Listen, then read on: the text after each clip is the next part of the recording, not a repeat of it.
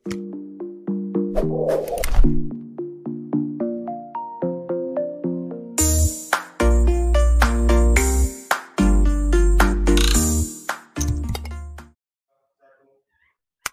bahagia pemirsa uh, kerabat desa Indonesia. Semoga pasca lebaran dengan sesuatu yang barunya, lebaran kali ini sesuatu yang baru, kita yang kita yang kena apa uh, PSBB nggak bisa keluar, yang silaturahmi pun juga mulai dibatasi dan seterusnya. Ini adalah sesuatu yang baru, sesuatu normal, keadaan normal barunya. Tapi hari ini Kepoin Desa akan uh, mencoba membedah satu ide, satu pemikiran dari sahabat luar biasa saya, uh, teman diskusi kopi. Jadi pertamanya saya memang hanya sekedar suka minum kopi aja karena saya perokok. Waktu saat ketemu dengan Om Rudi ini, kemudian kita sempat mendiskusikan sesuatu, mimpi-mimpi besar, dan sempat ada sesuatu yang kita kerjakan.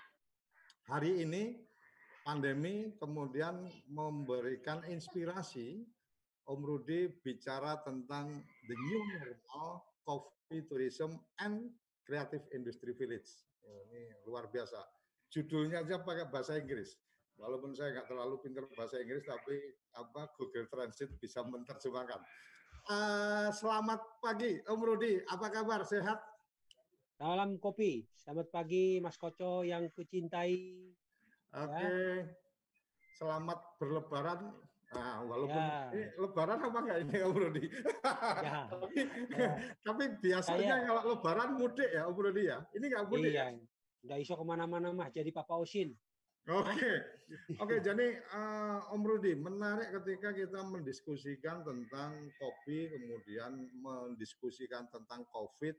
Tapi kalau kita terus-terusan bicara COVID, kita tidak melakukan apa pun, mati juga kita.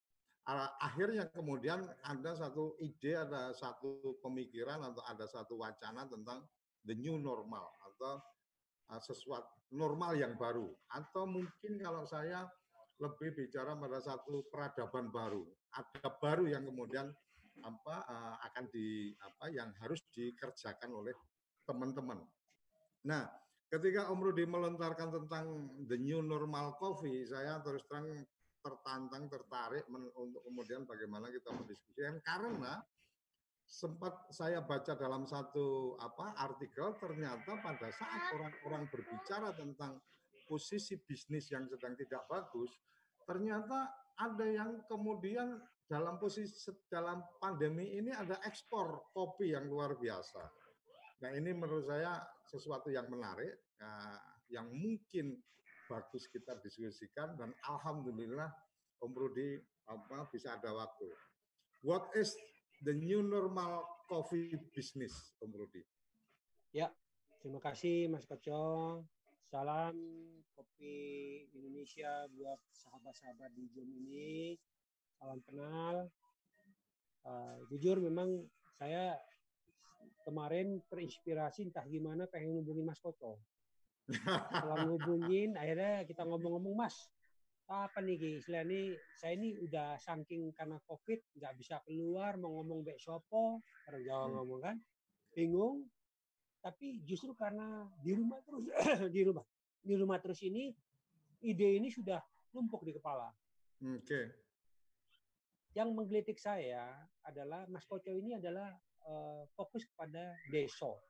Sampai ya. deso itu dikepo-kepoin semua ya kan? Gitu hmm.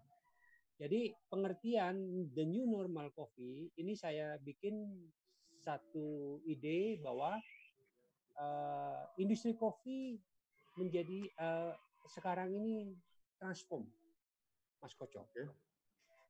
Bisnisnya bagus, not atau orang online bagus ya, beberapa bagus, tapi semua pada sibuk jual literan, jual kopi ini. Jadi menurut saya, menurut saya ya menurut saya itu artinya uh, sesuatu yang terlalu umum Mas Kocok. Hmm. Indonesia itu kepo. Jadi bisnisnya begitu satu tren, semua kekinian kekinian. Hmm. Semua jadi kopi-kopi bisnisnya ini menurut saya tidak ada kreatif gitu loh. Tetapi Oke. hanya bicara hilir, Hmm. tidak bicara hulu. Nah, Hmm. Kenapa saya mau bicara di Kepoin Desa ini? Saya melihat bahwa ada eh, ide- ide bahwa sebetulnya the new normal coffee itu sekarang dimulai bukan dari kota, tapi Hmm. dari desa. Ya, jadi justru nanti hilir ini akan bergis, bergeser bukan hanya di perkotaan karena mall sudah dibatasi Mas Koco. Oke. Orang nongkrong aja sekarang untuk nongkrong di kafe setelah new normal ini 50% kapasiti duduknya dan harus outdoor. Artinya, artinya nongkrong di kafe pun sekarang harus berjarak jadi nggak asik ya. Ya, bukan nggak asik lagi jadi menurut saya Berarti, Sampai berarti saking- harus dibikin asik ngopi di rumah gitu. ya di pinggir sawah. Oke, Jadi- oke, oke, oke, oke, oke. Jadi ngopi Lanjut, itu lanjut, lanjut. sekarang itu ngopi itu harus outdoor. Bahkan di London di mana semua mengharuskan restoran itu semua itu di outdoor. Hmm. Karena si COVID ini dengan adanya outdoor ini sebetulnya eh, potensi untuk penularan COVID itu sebetulnya agak eh, ya menurut para ahli bilang sih eh, lebih tidak rentan dibanding dalam ruangan. Karena suhunya panas kan, apalagi kita negara tropis ya kalau sudah dari ceritanya saya sampai pusing sendiri kalau baca itu COVID itu mesti begini, kalau kena panas berapa derajat. Jadi tapi setelah saya pelajarin memang untuk udara outdoor ini menurut saya lebih sehat. Udara ini sudah diberikan Tuhan ya harus kita nikmatin. Jangan karena COVID takut ngirup udara. Ngapain kita Oke. jadi generasi rebahan terus gitu loh. Nah, jadi bisnis kopi, Jadi, jadi bisnis jadi jadi generasi ini. kucing manis gitu kan? iya, jadi bisnis ini nanti Mas Koco, Ya. saya jamin akan betul-betul ini berkah buat desa. Bahasa saya itu desa itu global. Jadi Hmm. orang akan harus tahu di mana bisnis itu yang disebut storytelling. Bisnis itu harus jelas. Bisnis itu kopinya itu dari desa mana, ketinggian berapa, oleh kelompok tani siapa, prosesnya dipetik merah, dijemurnya natural atau full wash, semi wash, bla bla bla bla bla bla, sehingga orang yakin. Apalagi dengan adanya kopi begini dia mau tahu ini bener nggak prosesnya ini airnya apa segala macam. Nah ini menjadi satu normal, the new normal dalam bisnis kopi bahwa sekarang kopi itu harus clear, bukan hanya beli lagi di trading di mana harus langsung di petani kopi atau kelompok tani. Jadi Artinya, ini sangat artinya, sorry aku potong. Artinya Ah, ah. ke depan ini bicara bisnis mesti membawa uh, satu konsekuensi untuk kemudian kita benar-benar uh, benar-benar menyampaikan uh, dengan jujur, menceritakan apa uh, uh, keberasalan dari produk itu sehingga itulah yang jadi uniqueness dan jadi daya tariknya gitu. betul, Mas Koco. Oke, Saya tujuh tahun di The Body Shop Indonesia. Oke. ya. The Body Shop itu satu perusahaan kosmetik yang dibangun kurang lebih 35 tahun yang lalu. Hmm. ya. Konsepnya adalah dia eh, artinya eh, green behavior dan dia juga eh, pemberdayaan petani. Sampai Hmm. detik ini, apa yang dia jual Mas Koco? Risosisnya sama, kelapa itu sama. Tapi begitu yang dia jual kelapanya tidak ada polusi di kepulauan Samoa di mana ceritanya jadi mahal. Sebetulnya bisnis ini sudah dilakukan lama. Ar- Nah, jadi arti- saya- artinya artinya karena cerita itu kemudian Yes. uh, uh, produk yang sama punya uh, harga Values. yang beda. punya values. Values. Oke, oke. Nah, ini yang Ya. menurut saya sekarang ini kenapa saya katakan saya lebih eh, sekarang ini benar-benar eh, mungkin jalan hidup saya saya akan fokus ke hulu. Oke. Jadi saya akan fokus ke desa desa-desa penghasil kopi. Ada ad- ada perjalanan Om Rudi yang sempat saya tangkap adalah komitmen untuk kemudian menaikkan kelas apa Ya. kopi-kopi tertentu. Artinya kemudian Om Rudi membawa kepada apa pasar internasional, festival-festival dan seterusnya gitu kan. Itu Ya. itu kita kita sangat ikuti sekali. Ada satu pertanyaan ini menarik dan sudah masuk dari Zoom kita dari Mas Darmo Kelopo. Saya nggak tahu ini nama aslinya siapa karena memang di Zoom ini pada akhirnya ketika siapa pun yang ditulis namanya di situ ya kita bacanya itu. Bagaimana proses transfer knowledge-nya ke desa? Ini kan uh, pertanyaan ini perlu saya langsung bacakan. Kenapa? Karena saya melihat secara langsung atau saya tahu betul Om Rudi melakukan transfer knowledge itu ke teman-teman di desa. Jadi ketika ada pertanyaan bagaimana transfer knowledge, kayaknya Om Rudi perlu menyampaikan itu. Uh, setelah itu nanti kita akan melompat lagi. The new normal itu ya. harus ya, kayak apa lagi? Silakan Om. Jadi thank you. Jadi kita senang nih. Kita dengan adanya judul ini memancing. Memancing artinya uh, need-nya dari teman-teman apa. Nah, hmm. thank you ya dengan Mas siapa tadi Darmo ya? Siapa? Mas Darmo. Ya. Darmo, salam kenal ya. Jadi saya sudah melakukan ini dari kurang lebih 2000 uh, eh, fokus di kopi dari 2014. Hidup hmm. saya ini di desa kopi, dibilangin wong gendeng. Ngurusi hmm. desa-desa tapi justru Tuhan kasih berkat nih. Covid ini membuat jalan saya lebih mulus lagi benar-benar untuk membranding yang namanya Deso to Global. Ya. Bapak? Jadi artinya apa? Deso to Global. Oh, desa Deso. Oke, ya ya ya. Saya, saya kan lihat tulisan itu di kedai atau kedai kopi ya. Ya, jadi hmm. Deso to Global. Jadi gini, jadi artinya transfer knowledge itu sebetulnya bisa dilakukan dengan yang namanya komunikasi intens. Hmm. Komunikasi intens itu adalah kita bisa melakukan dengan WA, kita men-sharing apa yang di yang sudah kita lakukan Contoh seperti uh, saya cerita sedikit ya di 2019 saya ya. membawa ya. kopi Bengkulu Mas Koco kopi untuk lomba ya. ke Prancis. Uh, jadi waktu saya bawa ke Prancis apa yang terjadi?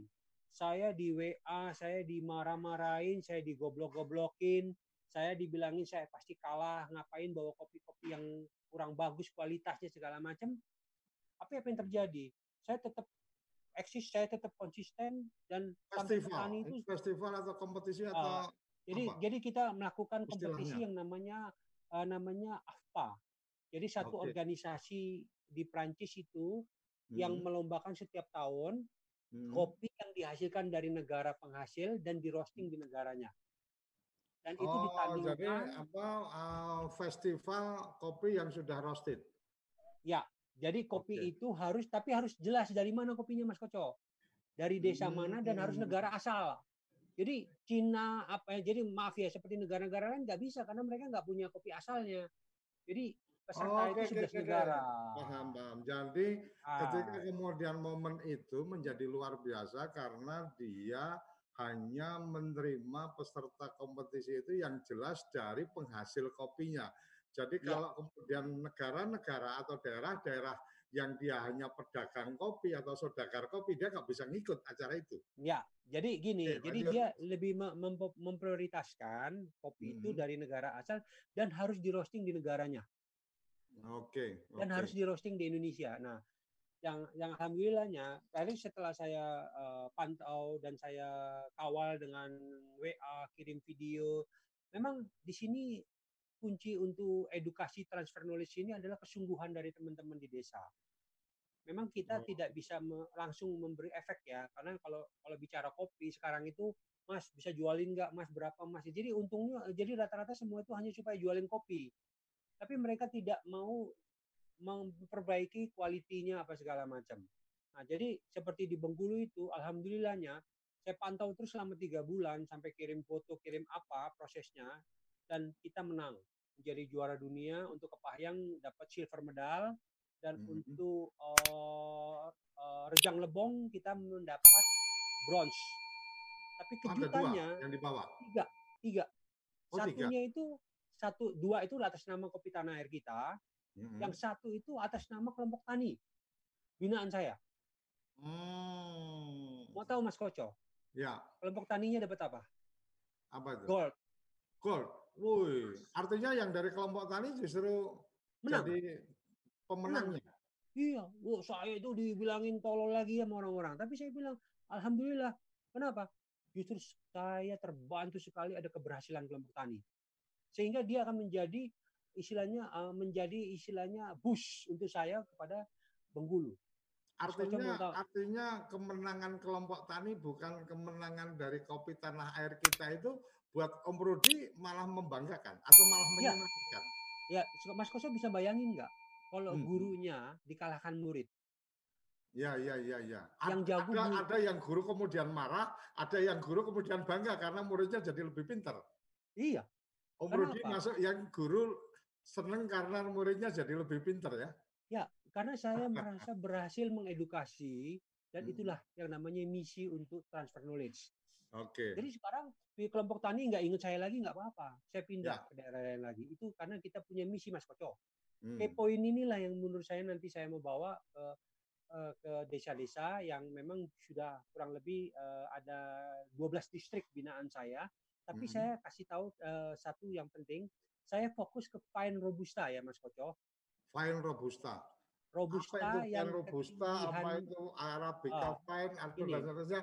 Mungkin teman-teman yang lagi ngikutin ini nggak semuanya pebisnis kopi, Ya. jadi mungkin Oke. sekilas-sekilas lah. Eh, Om Rudi kasih gambaran Ya. kalau fine itu apa, kalau set- seterusnya silakan. Pine robusta kita ini adalah robusta yang hidupnya di atas 1000 sampai 1400 meter di permukaan laut. Hmm. Arabica kan biasanya, tapi ini robusta. Dan oke, mengejutkannya oke. Mas Koco, setelah 2018 saya menang yang bawa Flores Manggarai. Oh ya, juga Manggarai, saya 1200. tahu itu. Itu dua Tahun tahun yang lalu ya berarti ya? Iya, ya, Ah, ta- ah. dua tahun. 2018, 2019 saya menang lagi bawa Bengkulu. Oke. 80% kopi Bengkulu 40 ribu ton itu di ketinggian di atas 1000 meter Mas Koco. Artinya itu masuk ke Fine Robusta. fine robusta. Oke. Dan itu terbukti dia menang juara dunia di Perancis. Jurinya itu bukan juri-juri cari cari scoping cupping score, no. Jurinya adalah chef terkenal di dunia. Jadi dia ada dua. Maka kopi ini prosesnya benar, enak apa enggak? Nah, Oke, Om Rudi, fine robusta. Kenapa pilihan Om Rudi lebih konsen ke robusta, lebih konsen ke yang fine? karena gini Mas Koco, ini adalah eh, perjalanan saya dari 2014 sampai sekarang saya menemukan satu benang merah yang menggelitik saya waktu itu kira-kira empat tahun yang lalu. Hmm. Kenapa Ratu Belanda Wilmena Hmm. itu minumnya kopi kepayang? Kopi Kepayang, kepayang. Bengkulu, Bengkulu. Iya, itu iya. tahun 1896-an sampai 1900-an. Minuman resmi Raja Ratu Belanda itu kopi dari Bengkulu dan eh, kepayang dari Bengkulu dan Pinogu dari Gorontalo. Nah, itu Karena karena Belanda yang punya kebun di situ kali, Om. Enggak. ke- karena Belanda kasih rahasia rahasianya itu ada di sini. Kenapa? Ternyata Belanda itu minum kopi robusta yang di atas 1000 meter. Oh, karena ketinggian, posisi Iya. posisi ketinggian. Itu yang enak. Oke, rasanya oke, itu oke, bisa oke. sweetness, bisa apa. Nah, sampai Ratu Belanda meminum kan pasti itu ciami. Kalau orang bilang. Artinya artinya minuman kelas ratu ya pasti sesuatu yang luar biasa. Yes. Nah, ini Oke. benang merah ini saya yakinkan lagi setelah menang di Flores, Manggarai. Manggarai itu menang di 1200 meter dan Mas Koco mau tahu 90% itu diekspor ke Belanda. Hmm. Om, Ya. kalau kita bicara itu, bicara ikut festival, kompetisi dan seterusnya, apakah punya dampak apa dampak langsung terhadap produknya? Karena kadang-kadang ikut festival iya, tapi dampak langsung apa penjualan Kalau saya, saya dampak saya itu karena saya melibatkan kelompok tani. Oh, Jadi Mas Koco perlu tahu sekarang, semenjak saya menang di Manggarai, bin-bin harganya naik, Mas Koco. Kopi Manggarai sudah diomongin di mana. Jadi mau nggak mau kan naik. terangkat naik. Naik, naik. Kenapa? Mereka akan teredukasi untuk memperbaiki quality petik merah. Jadi kita ini bisnis Hmm. bisnis kita ini the new normal ini nanti fokus 20% di di quality. Ya, quality dan values.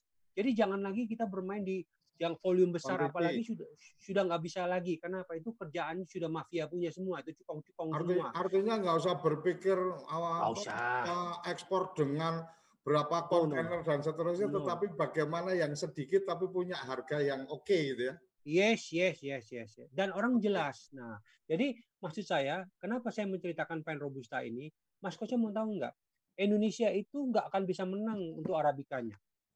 Ya, Juara dunia itu Arabica. Kita ini ya kalah dengan Brasil nomor satu di dunia. Kolombia nomor tiga di dunia itu dengan Arabica. Kita kalah. Arti, artinya Om Rudi sudah memetakan bahwa kalau bicara apa percaturan perkopian dunia, maka bicara Indonesia harus memilih pada uh, robusta apa Arabica. Wine robusta. Wine robusta. Wine robusta. Iya, nah. Karena kalau bicara Arabica kita pasti kalah dengan beberapa pasti kalah. yang sudah sangat kalah. Mas Koco, saya ke saya ke Belanda ke mana itu dulu kopi kita itu nyaris nggak ada jelas itu kopi dari mungkin kopi kita tapi dicap yang main-main nggak tahu kita. Nah kalau kita bicara robusta kita nggak bisa menang Vietnam. Muriti Dewi itu tahun 70 itu Vietnam itu belajar sama Pak Harto.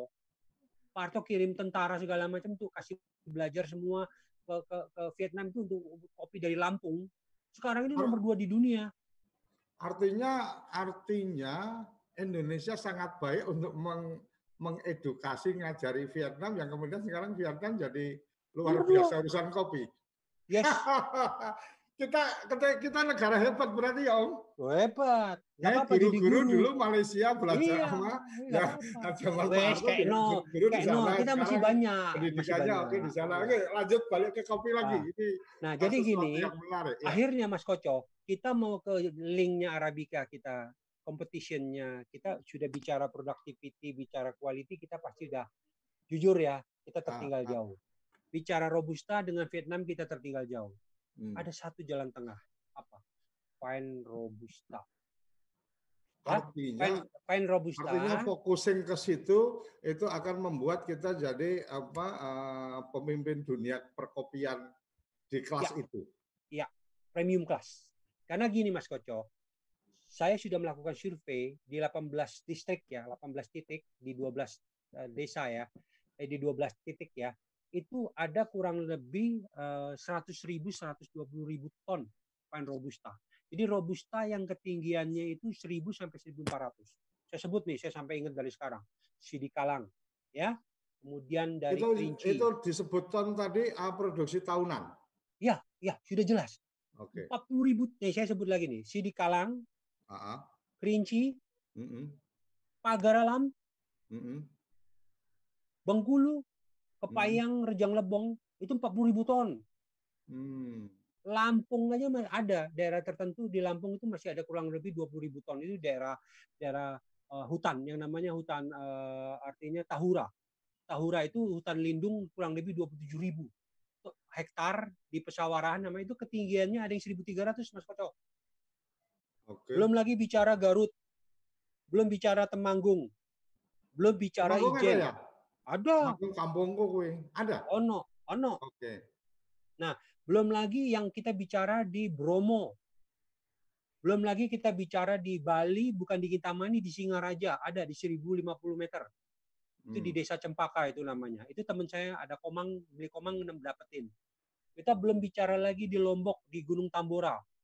Belum hmm. lagi kita bicara di di ini uh, apa uh, apa uh, di Flores Manggarai. Jadi kalau fine robusta itu bahasanya dari Sidikalang sampai Manggarai. Sudah. Itu 100 sampai 120 ribu ton kapasitasnya, Mas Koco. Artinya Kenapa? artinya ini kopi-kopi yang ditanam di jajaran pegunungan Indonesia ya? Iya. Bengkulu itu ya. Hmm? Itu Bengkulu itu 80 persen itu di atas 1000 meter Mas Koco. Hmm. Tapi harganya sama dengan Lampung lebih murah dari Lampung. Hmm. Waduh. Padahal ketinggian sudah alamnya sudah ini, tapi kenapa dihargai itu? Karena kita terpaku dengan kuantiti bisnisnya. Nah, saya mau membalikan dengan ada yang namanya kita masuk ke dalam industri premium cukup 10-20% saja. Oke, okay. bisnis kopi uh, new normal uh, harus dihadapi dan Om Rudi mengambil positioning bagaimana kita bicara fine robusta untuk kemudian di apa uh, premium kopi itu mungkin salah satu kita bicara tentang pilihan atas uh, coffee business. Yes. Tapi di hari ini judul yang kita bawa juga tentang Creative Industry Village. Artinya yeah. industri kreatif di desa. Dikoneksikan dengan kopi-kopi tadi. Apa ceritanya ini, Om? Nah, jadi Mas Koco perlu tahu lagi. Hmm. Kenapa saya katakan kreatif uh, kreatif industri kopi di desa? Hmm. Ya, sekarang siapa di Prancis itu tidak tahu yang namanya kepayang? Karena hmm. presiden hmm. AFPA-nya itu datang terbang dari Prancis ke Kepayang hanya melihat kebun kopi. Untuk anu apa uh, uh, melihat kebun. Yes. Farm apa visit. Yes. Tahun lalu pasti itu. Tempatkan datang ke Kepayang hanya yes, untuk sebelum memastikan. betul sebelum dia melakukan uh, uh, pemenyerahan hadiah di T, dia itu ke Bengkulu dulu. Oh artinya ketika itu sudah jadi pemenang kemudian tidak dengan serta merta uh, dinyatakan menjadi pemenang, tetapi kemudian harus uh, visiting ke, uh, ke uh, itu salah satu dia untuk meyakinkan karena kita juga mengajak mereka mm -hmm. untuk datang ke desa biar lihat prosesnya. Mm. Nah ini yang sebut kreatif Mas Koco. Bayangkan ya, mungkin orang melihat impact langsung ke kita apa Mas? Tapi ini yang kami lakukan strategi marketing ini melalui ini sehingga mengundang orang-orang dari luar itu untuk lebih tahu yang namanya keberadaan kopi itu harus tahu dari desa mana, ketinggian mana, prosesnya apa. This is kreatif, Mas Koco. Nah, di satu sisi, bisnis kopi itu bukan hanya cuma metik kopi, tapi okay. monggo. Kehidupan sehari-hari itu mari kita angkat. Itu menjadi satu cerita, storytelling. Ya, dengan era global yang jom sekarang, ini membuat peluang lebih gampang lagi orang melihat. Tetapi jadi jangan kita jangan putus asa. Jadi kita hmm. melakukan ini untuk untuk apa? Kita dokumentasikan menjadi satu ya YouTube channel atau menjadi apa seperti Mas Koco lakukan ini itu artinya apa? Informasi buat dunia. Ini loh ternyata di negeri Indonesia ini seperti ya, ini ya, loh. Ya. Nah, Saya, sehingga apa? Nah, mm -hmm. sehingga apa? Begitu itu menjadi bisnis yang namanya COVID tourism, mm -hmm. artinya apa? bisnis kopi tourism itu pariwisata kopi. Mas Koca perlu tahu Indonesia itu punya 9.000 desa loh. Ya, 94.000 desa. 94.845 kalau nggak salah. Jadi gini, 73.426 desa. Hmm. Yang penghasil kopi itu 9.000 desa. Oh, 9.000 desa penghasil kopi? Tok. Iya, itu luasannya. Om Rudi, Om Rudi sudah melakukan mapping. Sudah. Saya lagi sampai insya Allah nanti 2022 selesai yang namanya peta kopi itu desa udah saya mappingin.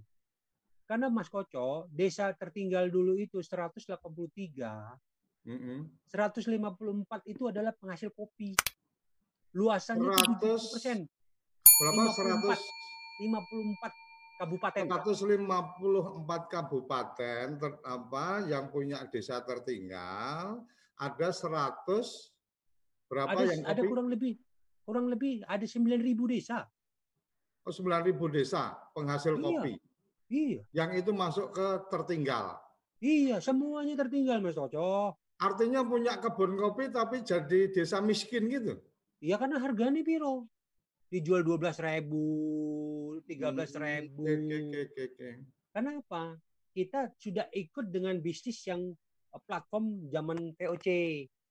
Nah, sekarang the new the new normal ini kita bikin platform sendiri. Ini ada cerita artinya, lagi, Mas. Artinya bisnis kopi yang kemarin-kemarin berjalan itu hanya meneruskan cara bisnisnya VOC, mengumpulkan kopi-kopi gitu kan, kemudian ya. yang untung besarnya VOC walaupun ya. walaupun pelakunya bukan wujud. VOC tapi orang Republik kan gitu. Untuk ya. untuk kemarin. Nah, sekarang ya. Rudi akan merombak itu atau mengajak kepada teman-teman petani, teman-teman yang punya kebun kopi itu kemudian ah, kamu bisa jual sendiri, kamu nggak perlu lewat VOC lagi kan? Yes, yes. Mungkin gini, kalau okay. bahasa bahasa bahasa vulgarnya saya, mm -hmm. 80% kita jual ke cupong-cupong nggak apa-apa, ya, karena itu okay. memang marketnya ada sudah ada, jangan diganggu supaya petani nggak terjadi gejolak. Tapi 20% yang kualitas bagus petik merah, mm -hmm. dewi, karena itu artinya artinya Artinya jangan jual jangan jual yang memang punya kualitas bagus itu masuk dalam apa uh, wadah yang dijual apa ke tengkulak-tengkulak tetapi yang kualitas bagus itu mestinya ente jualan sendiri gitu.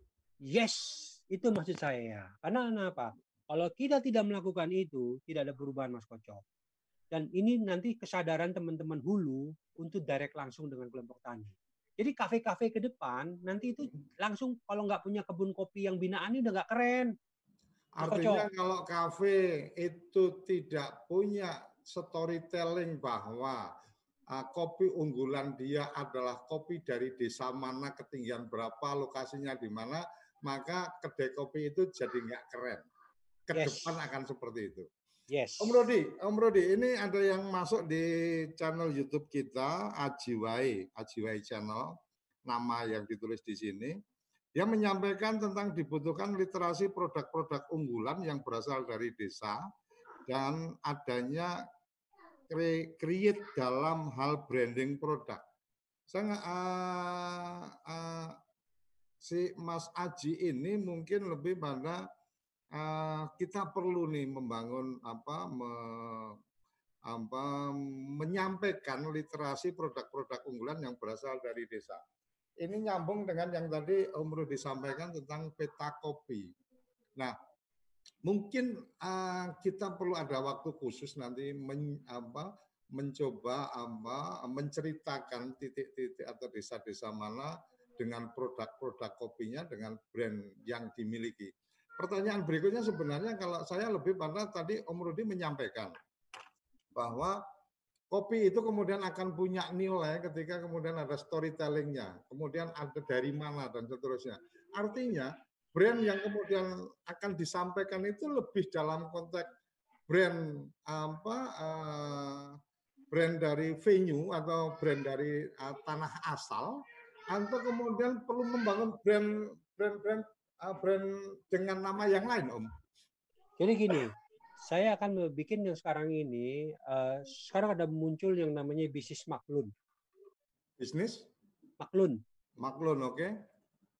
Namanya siapa aja, yang hmm. penting kopi gue. Oh, ya ya ya ya ya, oke. Okay.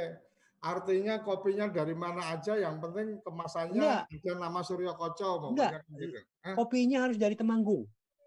Oh, yang gitu. mau jual itu kopi tanah air kita siapa siapa siapa silakan.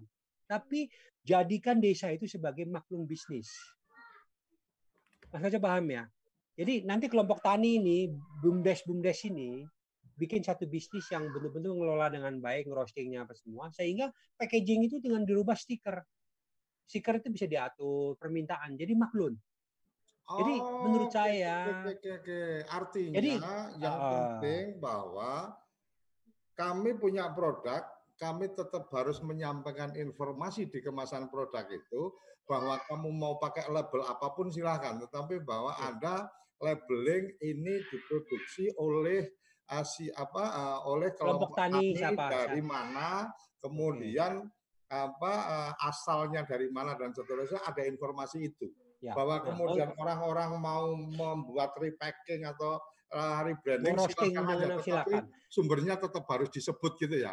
Yes. Sama seperti kalau kita lihat produknya Unilever mamanya, ya. atau produk-produk tertentu itu kan kadang kalau saya sempat baca itu kan diproduksi oleh artinya sebenarnya bukan dari perusahaan itu yang yang memproduksi tapi yang memproduksi adalah satu perusahaan tertentu yang memang membuat standar itu.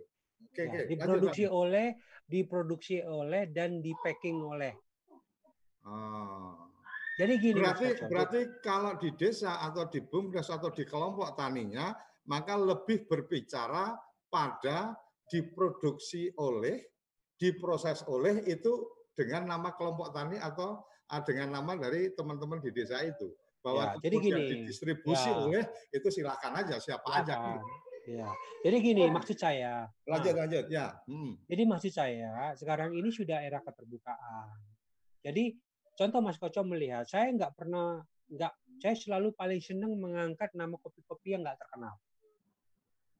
Mas Koco perlu tahu kemarin saya sempat membina satu kelompok tani ibu-ibu di DS, di daerah NTT Lembata. Ya, itu benar-benar luar biasa. Kenapa? Saya mencoba mengedukasi supaya kenapa? Harapan saya itu nanti mereka begitu bisa memperbaiki semua quality, itu akan menjadi daya tarik untuk kopi tourism. Sampai saya hmm. ajarin dia bikin kopi kekinian seperti apa dengan bahan. Jadi sekarang dia sudah mulai pelan-pelan sendiri sih. Ibu sudah melakukan sendiri di Lembata. Jadi hmm. kita harus butuh orang-orang yang punya jiwa untuk membantu benar-benar mengedukasi. Ngajarin itu jangan tanggung-tanggung dulu Mas Koco. Karena hmm. apa? Ini adalah era di mana kita harus membuka satu generation. Generation baru yang namanya generasi kopi terbarukan anak cucu kita itu biar jelas gitu loh. Kalau ke London dia minum, wah ini kopi kopi Mandailing, ketinggiannya ini ini desa ini, oh ini kopinya Sidikala. Saya berharap generasi ke depan itu bisa menguasai paling sedikit 12 macam kopi kalau dia minum. Kenapa? Sudah teredukasi dari sekarang. Kenapa? Dia beli sudah jelas itu loh dari Mandailing ketinggian ini rasanya ini ini itu loh Mas Kocok. Maksud saya. Hmm. Ya ini salah satu dan yang menarik tadi Om Rudi menyampaikan tentang storytelling, kemudian menyampaikan tentang apa uh, era digital hari ini. Saya teringat beberapa waktu yang lalu, uh, beberapa tahun yang lalu, sempat ada satu perjalanan uh, waktu itu dengan teman-teman dari apa petani tembakau kita ada pertemuan internasional. Yang menarik dari saya di, di samping memang pembicaraan tentang tembakonya di forum itu. Yang menarik bagi saya adalah pada saat satu perjalanan uh, pesawat KLM waktu itu, uh, kue yang dibagikan itu dikemasannya itu menceritakan uh, karena ya bahasa Inggris saya sih nggak terlalu bagus tapi masih bisa paham gitu kan menceritakan bahwa garis besarnya adalah dia menyampaikan bahwa daging ayam yang Anda nikmati ini berasal dari ayam-ayam yang diperlakukan dengan baik. Kemudian dia menyampaikan ada dua link, dua link. Satu link itu ke CCTV kandang, satu link lagi ke CCTV processing apa uh, processing uh, penyembelian ayam dan seterusnya. Kayaknya kita juga bisa memainkan itu ketika bicara oke, okay, kita bicara satu kopi, mama taruh kata di Temanggung atau apa, teman-teman petani ketika berangkat petik merah, berangkat ke berangkat ke kebun di suasana pagi dan seterusnya dengan modal handphone mereka dia bisa apa membuat apa semacam cerita perjalanan ke kebun, cerita memetik apa kopinya dan seterusnya itu sebenarnya bisa menjadi satu kekuatan untuk menceritakan ini loh kopi kopi yang aku produksi itu dari kebun yang seperti ini, dari kampung yang kondisi seperti ini. Jadi pada saat orang meminum dia juga membayangkan bahwa oh kebunnya kayak gitu. yes. Oh, mungkin itu Om. Kira-kira itu ya. Betul, betul. Nah, artinya artinya kreatif itu kita harus berangkat kepada uh, apa yang kita punya. Artinya kamu mesti membanggakan apa yang kamu punya dan kamu mesti jujur. Mungkin era digital ini kan suka tidak suka kalau nggak jujur karena kan ter, terdeteksi juga secara ya. artinya oh kamu nggak jujur ini menyampaikan itu kalau di digital lebih gampang diketahui daripada kemarin-kemarin yang nggak digital gitu kan Om. Ya betul. Nah jadi uh, kembali lagi bahwa di di new new normal ini nanti quality, processing, semua itu harus mulai kita bebenah. Ya, termasuk juga ketika teman-teman yang punya kebun atau yang punya yang memproses kopi dan seterusnya, dia juga bisa menawarkan kalau you pengen stay di sini, kami punya ya. kamar. Itu bagian dari kelanjutan bisnis apa uh, industri dan wisatanya ya. terkait dengan kopi ya, Om. Betul. Seperti sekarang ada cerita sedikit, saya bina hmm. satu susteran dari tiga tahun yang lalu di desa di Ruteng, hmm. namanya Gembala Baik. Gembala? Satu susteran Gembala Baik. Oh, Jadi satu susteran, suster Natali, beliau mempunyai satu hektar kebun kopi. Mereka hmm. punya kamar yang bisa menampung kurang lebih 12 orang. Hmm. Dan bagaimana memproses kopi dari petik merah, jemur sampai dia roasting. Sekarang dia sudah bisa semua dari farm to cup. Ya. Hmm. Yang menariknya, suster itu menampung ibu-ibu korban trafficking, Mas Koco. Oh, luar biasa. Nah, dan yang menariknya lagi, insya Allah tahun ini saya akan bawa produk roastingan seorang mama korban trafficking untuk ke Prancis. Artinya roasting yang ditangani oleh ibu-ibu yang kemarin sempat jadi korban untuk trafficking. Yes, dia ngerosting loh. Dia Nah, yang itu nilai itu nilai values-nya berapa Mas Koco? Hmm. Nah, jadi artinya apa? Sekarang ini eh, banyak satu satu satu di mana konsep ini kopi ini sekarang betul-betul kita kalau bahasa saya itu social entrepreneur. Ya. Jadi menjual produk itu juga ada unsur humanisnya itu harus punya. Baru kita punya daya tarik sendiri-sendiri gitu Mas Koco. Jadi Hmm. seperti sekarang suster itu sudah jalan sendiri, mereka sudah punya mesin roasting sendiri apa. Jadi saya tidak perlu lagi artinya apa? Bagi saya saya melakukan ini suster maju, oke saya cari yang lain lagi. Sehingga suster itu akan membina desa-desa yang lain. Hmm.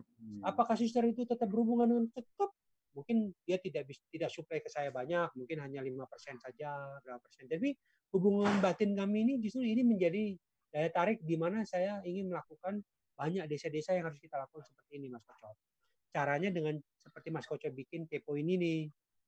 Ya, Ah, jadi ah, ini ini ini kemudian menjadi satu apa satu tantangan menarik.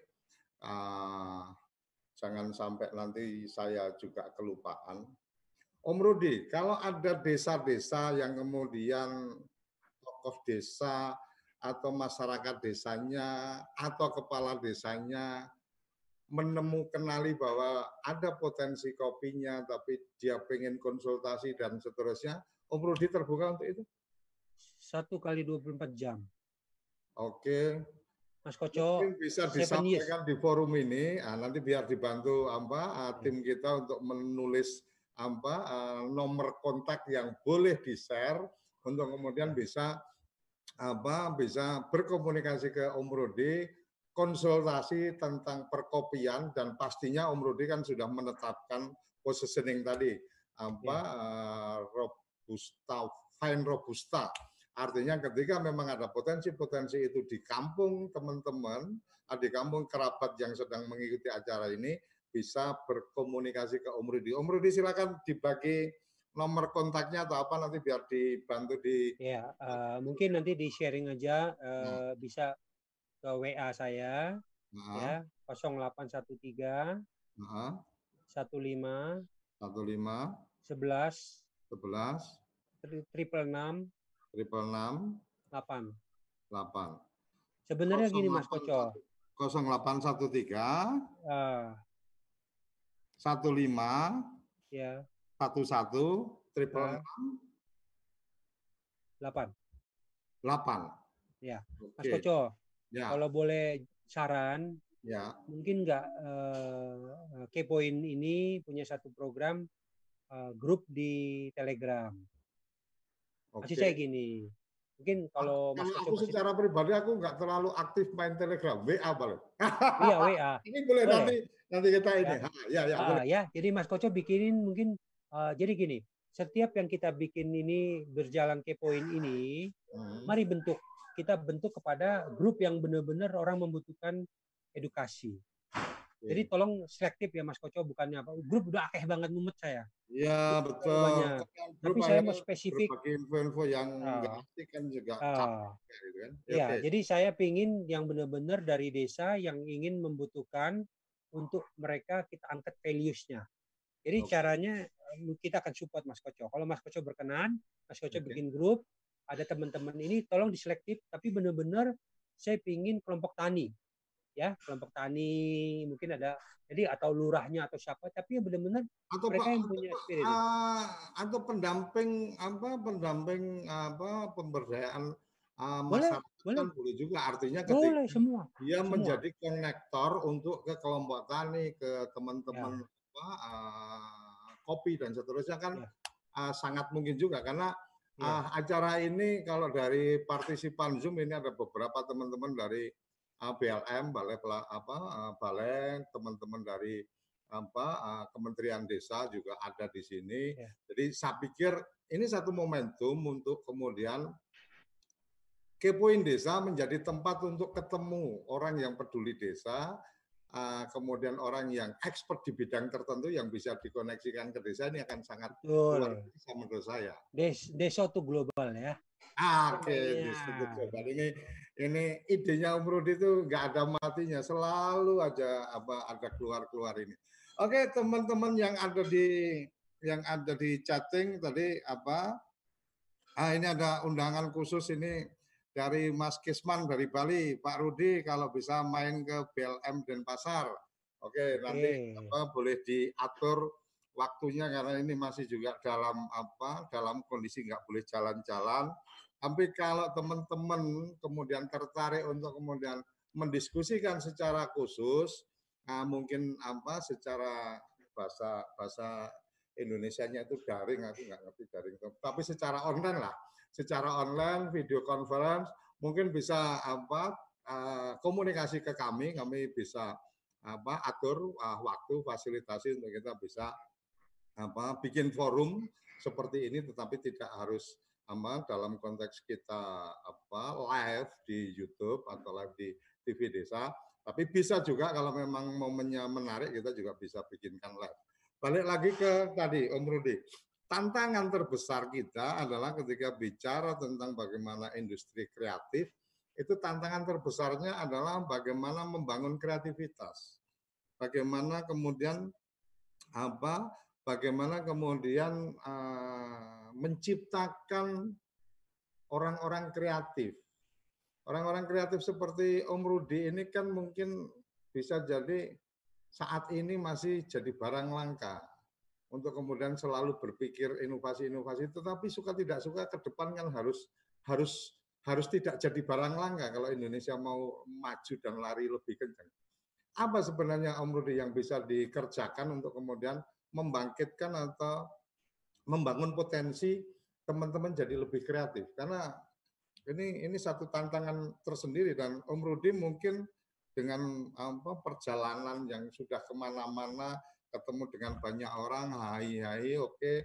ternyata juga sampai pada levelnya oh ini cuma cuma di level ini aja ini cuma di level ini aja dan seterusnya untuk kemudian mendorong saya tahu betul Om Rudi termasuk orang yang apa mampu membangkitkan semangat dan kemudian membangun kreativitas apa teman-teman apa sebenarnya langkah-langkah apa untuk kemudian kita bisa berharap kreatif industri itu benar-benar tumbuh dan kemudian turisme apa desa itu juga kemudian uh, akan berjalan karena kreativitas.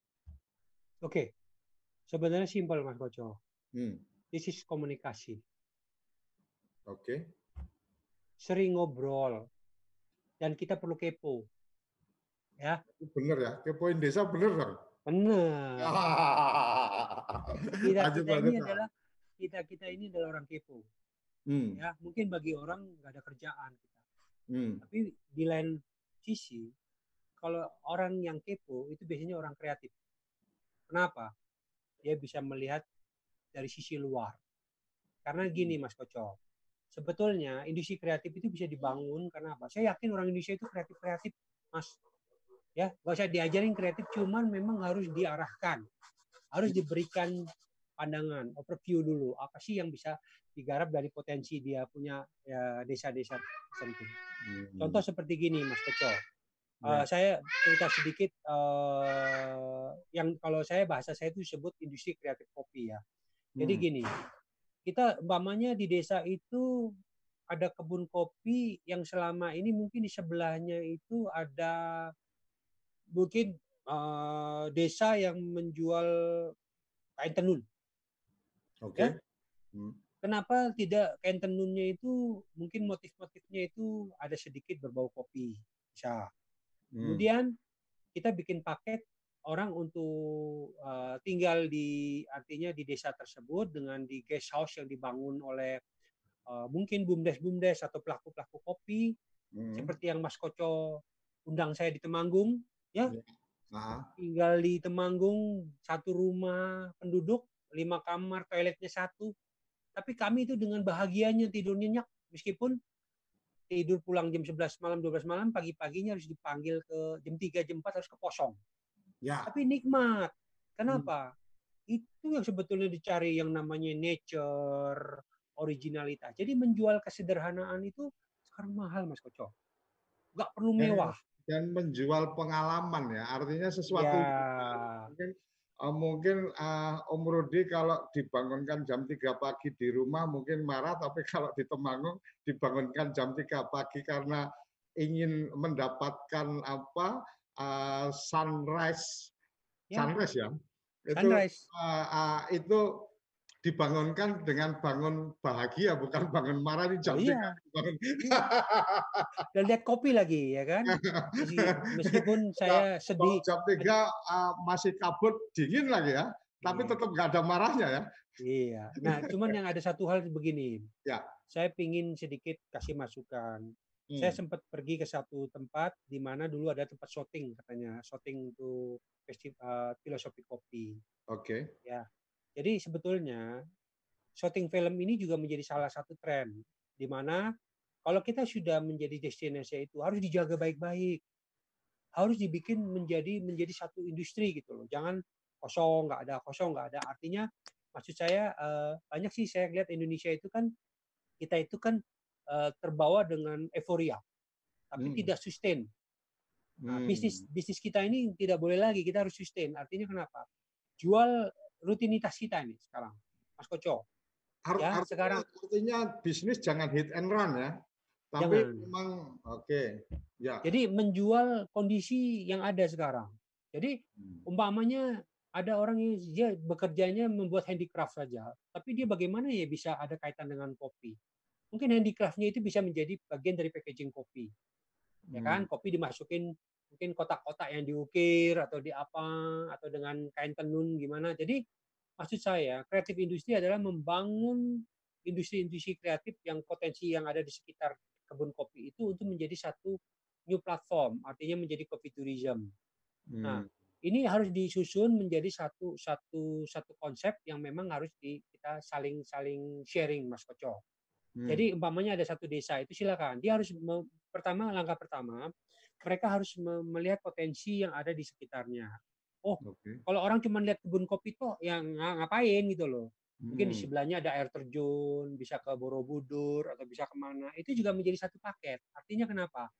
Jadi melalui pintu masuknya melalui industri kopi. Tetapi coffee tourism, tapi memberi efek multi efek kepada bisnis yang lainnya. F&B-nya akan laku. Nanti Hmm.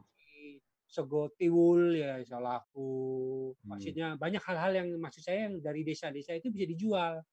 Dan sekarang itu yang menjadi uh, tren dunia bahwa orang akan kembali lagi setelah new norm- uh, the new normal ini untuk kembali ke nature.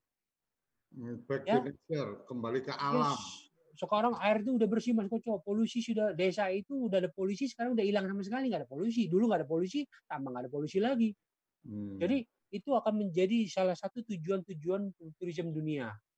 Jadi nggak ada kata orang bilang nanti karena COVID orang nggak jalan-jalan. Enggak. Justru sekarang ini kita persiapkan diri kita untuk mengambil momentum. Umpamanya sekarang, the new normalnya ini mulai Juni Juli. Nah, kita mulai kita persiapkan tiga bulan itu apa sih fasiliti-fasiliti yang belum siap. Nggak perlu mewah. Yang penting Ar- artinya artinya aku menangkap bahwa ketika ke beberapa waktu ini lockdown orang nggak boleh keluar dan seterusnya dari luar negeri nggak boleh masuk dan seterusnya maka sebenarnya kita tidak perlu meratapi atau menyesali itu eh, tetapi lebih pada kita mempersiapkan pada saat kemudian eh, sudah dibuka akan ada Yes. euforia untuk orang jalan ke mana-kemana yang yang akan dituju pasti tempat-tempat yang dia sudah Yeah. mendapatkan referensi pada saat dia masih di rumah. Covid. Oh, ternyata di betul. sini Wena. Ini oke. Di Temanggung nih. Temanggung ada tiga gunung. Hmm. Ayo Ya. coba. Sumbing, Sindoro. Sindoro, Perahu. Mana ada satu kebun kopi itu kelilingi tiga gunung. Kiri lihat Sindoro, kanan delok eh, apa? eh, Sumbing, mungkin depannya delok Perahu. Ya. Itu mana ada di dunia yang begitu cantiknya, Mas Koco. Jadi, oke. Maksud saya, justru COVID ini, kreativitas ini dimunculkan kenapa? Kenapa industri kreatif? Sekarang ini anak-anak sekarang udah pinter. Ngambil Hmm. dengan cara-cara ngerekam-ngerekam, semua sudah SMK-SMK, Benar, semua itu sudah bisa dikaryakan semua. Kalian pun udah bisa jadi film ya Om. Iya, jadi Om. jadi intinya eh, gitu loh. Oke. Ngobrol keasikan kayak gini, tahu-tahu kita sudah apa di penghujung acara karena karena waktu saya memang apa kita apa kita firmkan sampai dari jam 10 sampai jam 11 ini kurang lima menit. Okay. Uh, tetapi ada ada sesuatu yang saya pengen apa, pengen dapat atau pengen gali dari Om Rudi adalah potensi untuk kemudian satu saat dengan jaringan yang Om Rudi miliki, apa teman-teman dari luar negeri dan seterusnya, mungkin atau enggak? Pertanyaan saya, dan saya berharap ini adalah mungkin. Ada satu waktu di mana Kepoin Desa itu yang hadir untuk berbicara selain Om Rudi adalah uh, teman dari luar negeri yang kemudian interest dengan apa kopi-kopi di Indonesia kemudian dia yang apa bisa menyampaikan artinya dia bisa menyampaikan bahwa oh di negara saya saya mengenal ini ini kenapa kemudian ini Indonesia menjadi sesuatu yang menarik? Biarkan dia yang berbicara. Memungkinkan nggak Om Rudi? Sangat mungkin. Oke, kalau sangat mungkin berarti saya saya berharap uh, dari forum ini teman-teman yang apa dekat-dekat dengan bisnis kopi siap-siap untuk kemudian satu saat akan ada tamu asing di forum ini walaupun nanti tetap translatornya Om Rudi karena Surya Koco ini bahasa Inggrisnya bahasa ya, bahasa Tarsan jadi akan akan tidak menarik. Oke closing statement uh, Om Rudi apa masih ada sisa waktu empat menit mungkin apa uh, closing statement dari Om Rudi untuk tema kita, topik kita, the new normal coffee tourism and creative industry village. Dan kalau memang ada apa sesuatu yang ingin disampaikan pengharapan terhadap program acara kita ini. Dan apa sebelum Om Rudi menyampaikan, saya ingatkan ke teman-teman yang mengikuti acara ini, baik yang di Zoom maupun yang di channel YouTube, jangan lupa untuk subscribe karena dengan subscribe YouTube channel maka ketika nanti kita akan ada acara-acara apa yang menarik akan ada notifikasi. Silakan Om Rudi. Terima kasih Mas Koco. Jadi saya hanya pesan di tengah COVID ini memang semua kita mengalami jadi generasi rebahan. Makan tidur, makan tidur semua ya kan. Tetapi justru karena makan tidur ini inspirasi itu muncul. Melalui Zoom inilah, melalui Kepoin Desa ini saya bisa men-sharingkan ide-ide hmm. yang memang sudah saya jalanin hampir uh, kurang lebih lima tahun.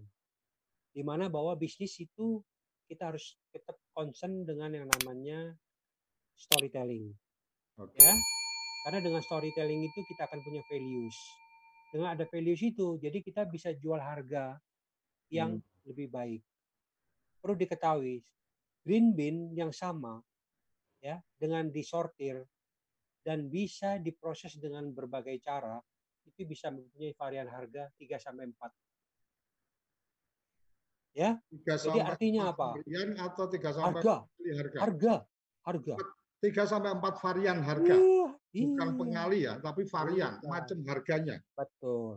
Oke, oke. Disortir yang grade premium harganya bisa 500 600 ribu per kilo. Disortir yang grade 1 2 harganya bisa 300 300 sampai 400 ribu. Yang 3 4 masih bisa 200 ribu. Yang terakhir pun masih bisa 150. Nah, itu dari sortiran Mas Koco. Nah, hmm. jadi mari melakukan bisnis itu sekarang. Artinya gini, jangan kita rubah uh, platform lama. Tetap jual yang sudah biasa suplai tontonan tetap jalan. Tapi pesan saya, petik merah, kumpulkan kopi itu 10%, sisakan 20% atau 10-20% simpan. Itu untuk menjadi kreatif industri buat anak-anak cucu kita. Jangan paksa anak kita itu bisnis seperti yang sekarang kita lakukan. Kasih dia berkreasi, untuk lebih hmm. ke industri kreatif ya. Kopi oh. itu sekarang bisa jadi parfum, bisa jadi dilukis seperti saya bikin di belakang itu kan lukisan kopi, hmm. bisa macam-macam. Artinya kenapa? Ke depan the new normal kopi itu adalah kita mempunyai 15 bidang nomenklatur yaitu industri kreatif.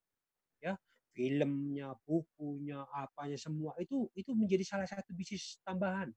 Jadi hmm. jangan putus asa.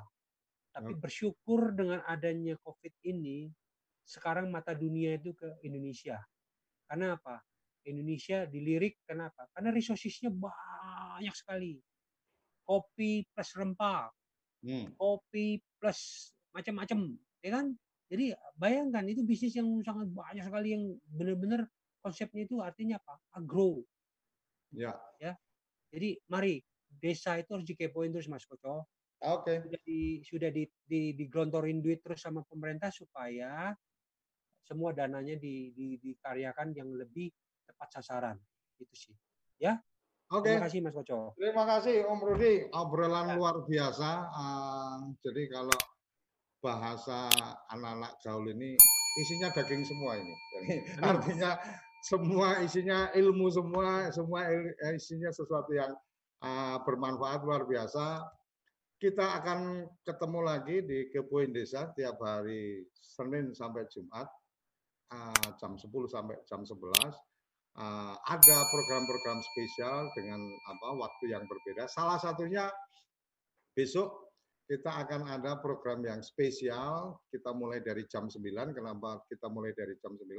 Karena besok hari Jumat ada ada kemungkinan waktunya bisa panjang karena ada satu teman yang melakukan selama ini melakukan pendampingan desa, melakukan ikut terlibat dalam proses undang-undang desa dan seterusnya melihat Perpu nomor 1 2020 ada klausul pasal yang memungkinkan untuk kemudian ke depan desa tidak akan mendapatkan lagi dana desa.